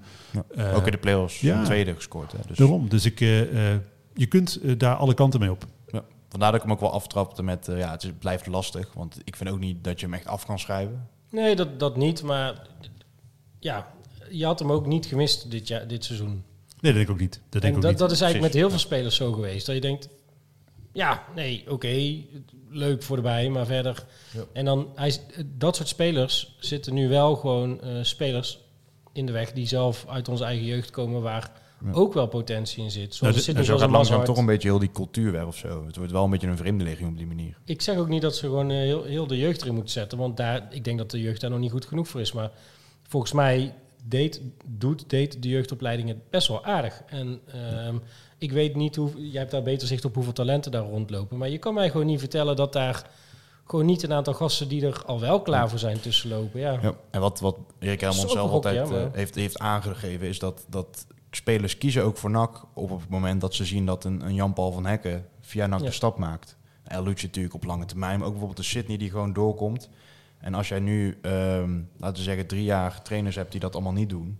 En dan kan een gast kiezen tussen Sparta Rotterdam, de jeugd, eh, of, of NAC. En zeker bij de jongens uit eh, Zeeland is dat een, eh, op zich eh, eh, een 50-50 keuze. Hè? Of je naar Rotterdam Ja. of naar Breda En gaat. de, keu- de keuze voor NAC... grote talenten gaan sowieso naar Feyenoord, PSV Tuurlijk, en tuurlijk. Ajax natuurlijk. Maar daar, daar vergis je misschien wel in. Want de, de keuze bijvoorbeeld voor een Matthijs Bel, die, eh, ik weet niet hoe het met zijn contract zit, loopt volgens mij ook aan dit seizoen af, weet ik niet zeker. Dit is een jongen van PSV, die daar eigenlijk net wel, net niet, eh, en die wilde echt doelbus bij NAC, omdat hij daar de kans zag om door te breken. Dus ook al is hij dan misschien te goed voor de jeugd van NAC, want hij is gewoon jarenlang eh, nu al captain, nummer 6, gewoon prima spelen. Er komt toch een andere speler weer terug die het bij Feyenoord niet gered Eh, heeft. Die ook bij Vitesse gespeeld heeft. ja, ik Ja, dat, ook eh, ja. Wensink, zijn broer is net uitgestroomd bij de A1, of eh, onder 21. En dat is, eh, voor mij is dat Luc, die komt nu terug. Dat is wel interessant. Die is ooit voor een eh, opleidingsvergoeding weggegaan. Toen een beetje heen en weer gepogo tussen Vitesse en eh, Feyenoord. En nu komt hij gratis weer terug. Maar is ook wel gewoon een leuk talentje wat dat betreft. En ja, die ziet misschien ook wel weer bij NAC de kans om door te breken. Maar het, feit is, die jongens lopen er altijd rond. Alleen bij NAC komt het vaak een beetje met heel veel weerstand. Ook zo van Hekken was ook de zesde keuze in dat seizoen. Hè? En weet je wat het is? Ik denk dat eh, voorwaarde voor de jeugd om te slagen is uiteindelijk wel dat je eerste elftal staat. Want eh, op het moment dat het, als je kijkt naar het afgelopen seizoen, waarin ze, was, er, was het geen ook lekker seizoen eh, Ja. om echt eh, door te breken. Op het moment dat daar een, eh, solide as staat eh, en er op één of twee plekken een jeugdspeler ingepast kan worden, dan is het natuurlijk een stuk makkelijker dan dat de jeugdspeler eigenlijk meteen dragend moet zijn. Ja. Eh, er is eh, weinig eh, ruimte, denk ik, ook geweest dit seizoen om je in rust te ontwikkelen bij NAC.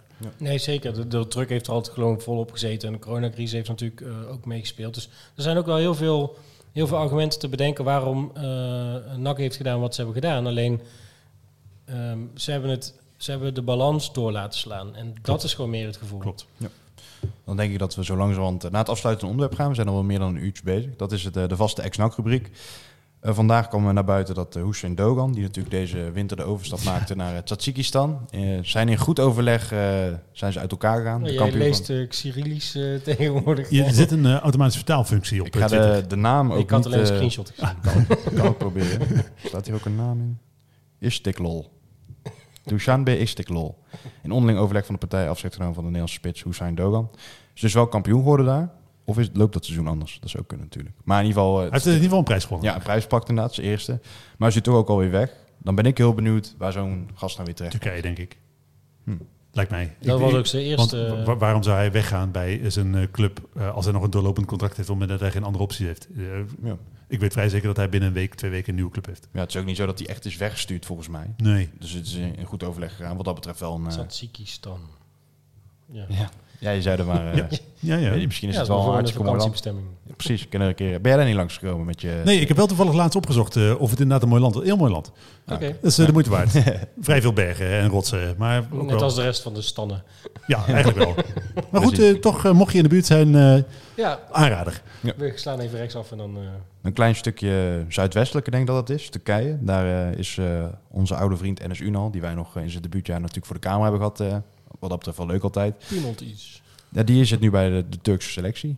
En eh, ja, toch wel mooi voor zo'n gast. Ja, ik, ik had het uit. het- Ik heb, ik heb met mijn vriendin over Turkse spitsen. Dat is. Maar goed.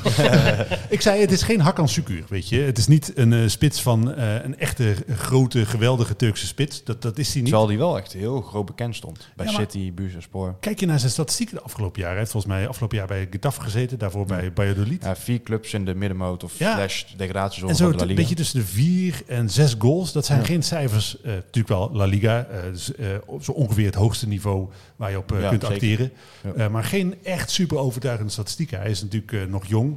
Eh, maar ik weet nog niet zo heel goed eh, hoe goed hij nou eigenlijk precies is. Typisch gevalletje denk ik van eh, je speelt bij NAC een halfjaartje. In de Jupiler League was het toen nog. En dan lijkt je al snel heel goed, denk ik. Bij Twente natuurlijk ook goed gedaan, hè? Oh ja, dat is wel waar. Hij, zeker, hij heeft in het eerste van City gespeeld. Dan kan je echt wel iets. Nee, nee, hij heeft niet in de eerste Nee, gespeeld. Hij heeft volgens mij wel, zeker wel. Hij heeft, ja, eh, in oefenwedstrijden denk ik dan. Nee, weet ik niet. Ja, het zou kunnen. Hè, ik, maar heb, ik heb op YouTube 100% beelden van hem gezien in het eerste van City. Het is wel een jongen die een, een grote carrière wat dat betreft werd, werd toegedicht. En Of het dan eh, oefenwedstrijden waren, of dat weet ik dan niet. Maar eh, ik weet vrij zeker dat hij in het eerste heeft gespeeld. En alsnog, eh, La Liga is natuurlijk geen schande hè, om daarin in te spelen. Ook al scoor je misschien. Nee, nee, niet. zeker, Bijvoorbeeld maar- Manu Garcia, die speelt met Gijon nog op het tweede niveau. Wat ook, denk ik, dat de gehele, de gehele top 8, denk ik, van de tweede La Liga, die eindigt gewoon makkelijk in de subtop in de Eredivisie. Dus dat is ook helemaal geen verkeerd niveau. Hij heeft geen wedstrijden voor Manchester City gespeeld.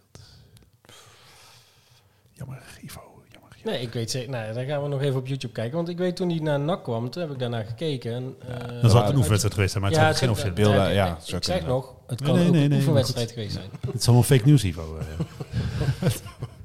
Dan eh, tot eh, slot eh, van ja, deze rubriek. eh, van Hekken, die eh, natuurlijk een beetje afwacht waar hij volgend jaar heen gaat.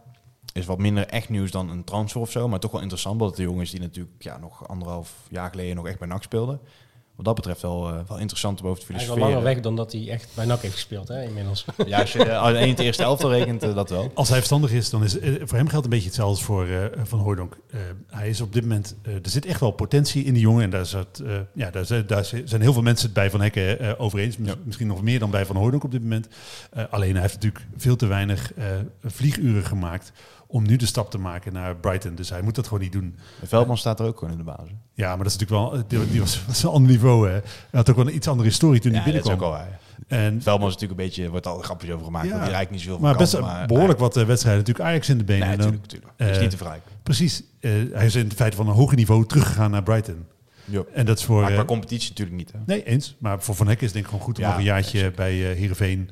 Ja. misschien een klein stapje hoger, als dat een optie is. Hij is natuurlijk ook geen onbetwist basisspeler geweest bij Heerenveen. Dus ik zou nog lekker een jaar bij Heerenveen blijven. Want Brighton is ook wel een club die gewoon eh, ja, best wel altijd een beetje op de tanden loopt daar. Op tandvlees loopt. Gewoon, gewoon echt Daar moet strijden. En dan ga je niet een gast van 20. eh, Precies. En daar geldt een beetje hetzelfde voor als wat we net bij NAC zeiden. Eh, Daar zijn de omstandigheden gewoon niet naar om eh, op dit moment risico's te nemen. Want op het moment dat je eh, cruising, zeg maar zo richting het einde van het seizoen, eh, zo vijfde, zesde, eh uitzicht op Europees voetbal in Engeland, eh, dan kun je natuurlijk prima jonge spelers de kans geven. Maar op het moment dat je tegen degradatie vecht, dan eh maar dat, dat dat geldt dus ook straks voor Van Hooydonk. Als hij straks in een, in, een, in een ploeg komt te spelen die ook gewoon uiteindelijk achtero- achteruit moet lopen, net als NAC, dan komt hij ook niet goed uit de verf natuurlijk. Maar daar moet hij gewoon lekker naar een club als, eh, weet ik wat, eh, Aberdeen, Ja. eh, Motherwell. eh nee, Motherwell is misschien nog iets te kleiner, maar Aberdeen is zeg maar, zo'n club die zo'n beetje tegen de, de eh, Schotse top aan schurkt. ja. Eh, dat, als hij verstandig is, gaat hij gewoon naar zo'n club toe waar hij gewoon echt, eh, misschien is Aberdeen nog zelfs te hoog gegrepen. Misschien toch Motherwell. Misschien moet hij gewoon lekker naar Motherwell gaan. Ja. Zo'n club waar hij zeker is van een basisplaats op een behoorlijk niveau. Eh, maar die moet inderdaad nu niet eh, naar een club gaan die, eh, waar de druk er volop staat. Waar die, Daar is hij gewoon niet goed, daar, nog niet groot genoeg voor. Misschien ja, om de burger toch nog wat moeten geven. Van Hekken kwam natuurlijk vrijwel uit niks. Interessant feit. Mijn, mijn eerste interview voor Bierstad Reds was met Van Hekken. Dat was ook zijn allereerste interview. Is hij daarna meteen weggegaan of niet? Nee, dat niet. Maar wat, wat wel interessant was, was toen de wedstrijd Madense Boys speelde NAC eigenlijk met alle wissels. En toen was hij aanvoerder. Toen speelde hij best leuk, maar ja, het was tegen Madense Boys. Dus toen ging het er in de interview ook over van... ja, en blijf jij bij NAC of is een verhuur naar Helmond Sport ja, toch niet, eh, niet beter? Toen zei hij van ja, ja, misschien wel, maar tot zover ik hier zit ga ik hier gewoon vol voor mijn kans. En aan het eind van het jaar gaat hij voor, eh, wat was het, een paar miljoen eh, naar Brighton. Zo ja, kan het is wel een zo uitzonderlijke situatie. Hè? Ja, Maar zou dat dan Brood niet- die heeft hem gewoon keihard genegeerd. Gewoon. Ja. Zou dat dan misschien nu niet uit armoede dat er straks weer eh, ja, een, een, een Kerstens of zo, toch noodgedwongen, een zoiets van Nou, Akker. Wat ik, wat ik gewoon vind is, je moet niet uit, uit eh, armoede zo'n keuze maken. Je moet gewoon eh, zeggen, we gaan voor één of twee posities. eh, we- daar, we zijn overtuigd van de jongens die we in de jeugd hebben, anders hadden ze geen contract gegeven. Ja. Eh, of gaan we, ze, gaan, we gaan ze een contract geven en dan gaan we, we gaan het gewoon proberen. Hij wordt gewoon vaste stand-in. Ja. Dat is natuurlijk ideaal, maar dat, dat, omdat dat natuurlijk feitelijk niet zo vaak gebeurt bij NAC. Vaak is het toch een beetje die gasten die er per ongeluk inrollen. Ook Sydney is acht keer gepasseerd geweest. Wat dat betreft. Deprimerend, hè? Ja, dat Maar voor, ik vind dat voor een spits is dat natuurlijk nog wel net een andere situatie dan voor centraal verdediger. Dat, dat zijn jongens, daar kan je niet echt mee experimenteren. Een spits moet doelpunten maken en een centraal verdediger moet ballen tegenhouden. Hè. Je, je gaat ook niet een jeugdkeeper erin zetten op het moment... dat- Maar, maar kijk naar eh, eh, Eh, je bedoelt dus dat je ook met centrale verdedigers niet kunt eh, eh, experimenteren? Had of meer, juist wel? meer risico. Nee, juist niet. Nee. Oké, oké, ja. Maar Nee, dan, li- een linksback en rechtsbuiten, daar kan je Ja, prima... precies. ja, dat, ja, dat zijn ja, echt wel ja. plekken. Zo waar Mazart nu speelt, dat is, als je daar een beetje eh, eh, ervaren jongens naast zet of daarvoor zet, dan moet het toch gewoon kunnen. We zijn denk ik redelijk aan het einde, of niet? Ja. Vind Ja, ik, ja. We gaan nog wel voorspellen, vind ik. Eh, we, we hebben natuurlijk... Ah, ja. Het cliché als het om NAC gaat is de vulkaan. De vulkaan borrelt. Gaat die komende week tot uitbarsting komen? Komende week nog niet. Wanneer wel? Een week later. Twee weken? Dus dan na onze vakantie in principe. Die hier geen vakantie is tot nu toe. Nee. Eh, ja, ik, ik verwacht eh, dat de vulkaan niet gaat barsten. Dat er nog wel iets naar buiten gaat komen, maar ik denk dat het een beetje ja, een soort icebucket wordt die alles een beetje afkoelt. Ook met Lokhoff een beetje. Ik, ik denk niet dat het gaat Ik uitbarsten. voorspel ongekende hoogtes. De, de, Krakatoa, eh, hoe nee, die die? met die hele ingewikkelde naam uit IJsland. Nou ja, ik weet Die niet. ik Ja. neus, neus. Oké, eh, ik, ik zeg dat hij eh, gaat... of ik, Jij hoopt denk, ook. ik denk van niet, maar ik hoop van wel. Precies. Ik hoop van wel. Ik hoop dat het eh, tot een eh, ongekende explosie komt. Dat alle kaarten op tafel liggen. Dat helemaal duidelijk Dan, wordt hoe de eh, vork in de steel zit. En dan gaan we op dat moment wel de balans opmaken. En het hoofdgebouw bestormen? Of Nee, nee, nee, dat- dat, gaan we niet doen. Gaan we niet doen. Nee. We gaan niet doen. We blijven gewoon heel netjes. We blijven heel rustig. Maar we gaan van een afstandje met popcorn zitten kijken hoe dat zich ontvouwt. Oh nee, geen popcorn. Dan wil ik eh, alle luisteraars in ieder geval bedanken. We hebben toch weer mooi, eh, ja, ook een stukje over tijd weer mooi voor kunnen lollen. Dus wat dat betreft is het eh, ja, op naar volgende week, denk ik. Of hebben we nu wel vakantie? Nee, we gaan volgende week gewoon waarschijnlijk weer zitten. Want dan is het eh, popcorn of niet, is het tot uitpassing gekomen. Ja, jullie horen het. Tot volgende week. Een tikkie naar het zuiden en een tikkie naar beneden. Daar wonen al mijn vrienden en daar voetbalt NAC. Laat nu de klok maar luiden, er is toch niks aan te doen. De B-side staat in vlammen en NAC wordt kampioen.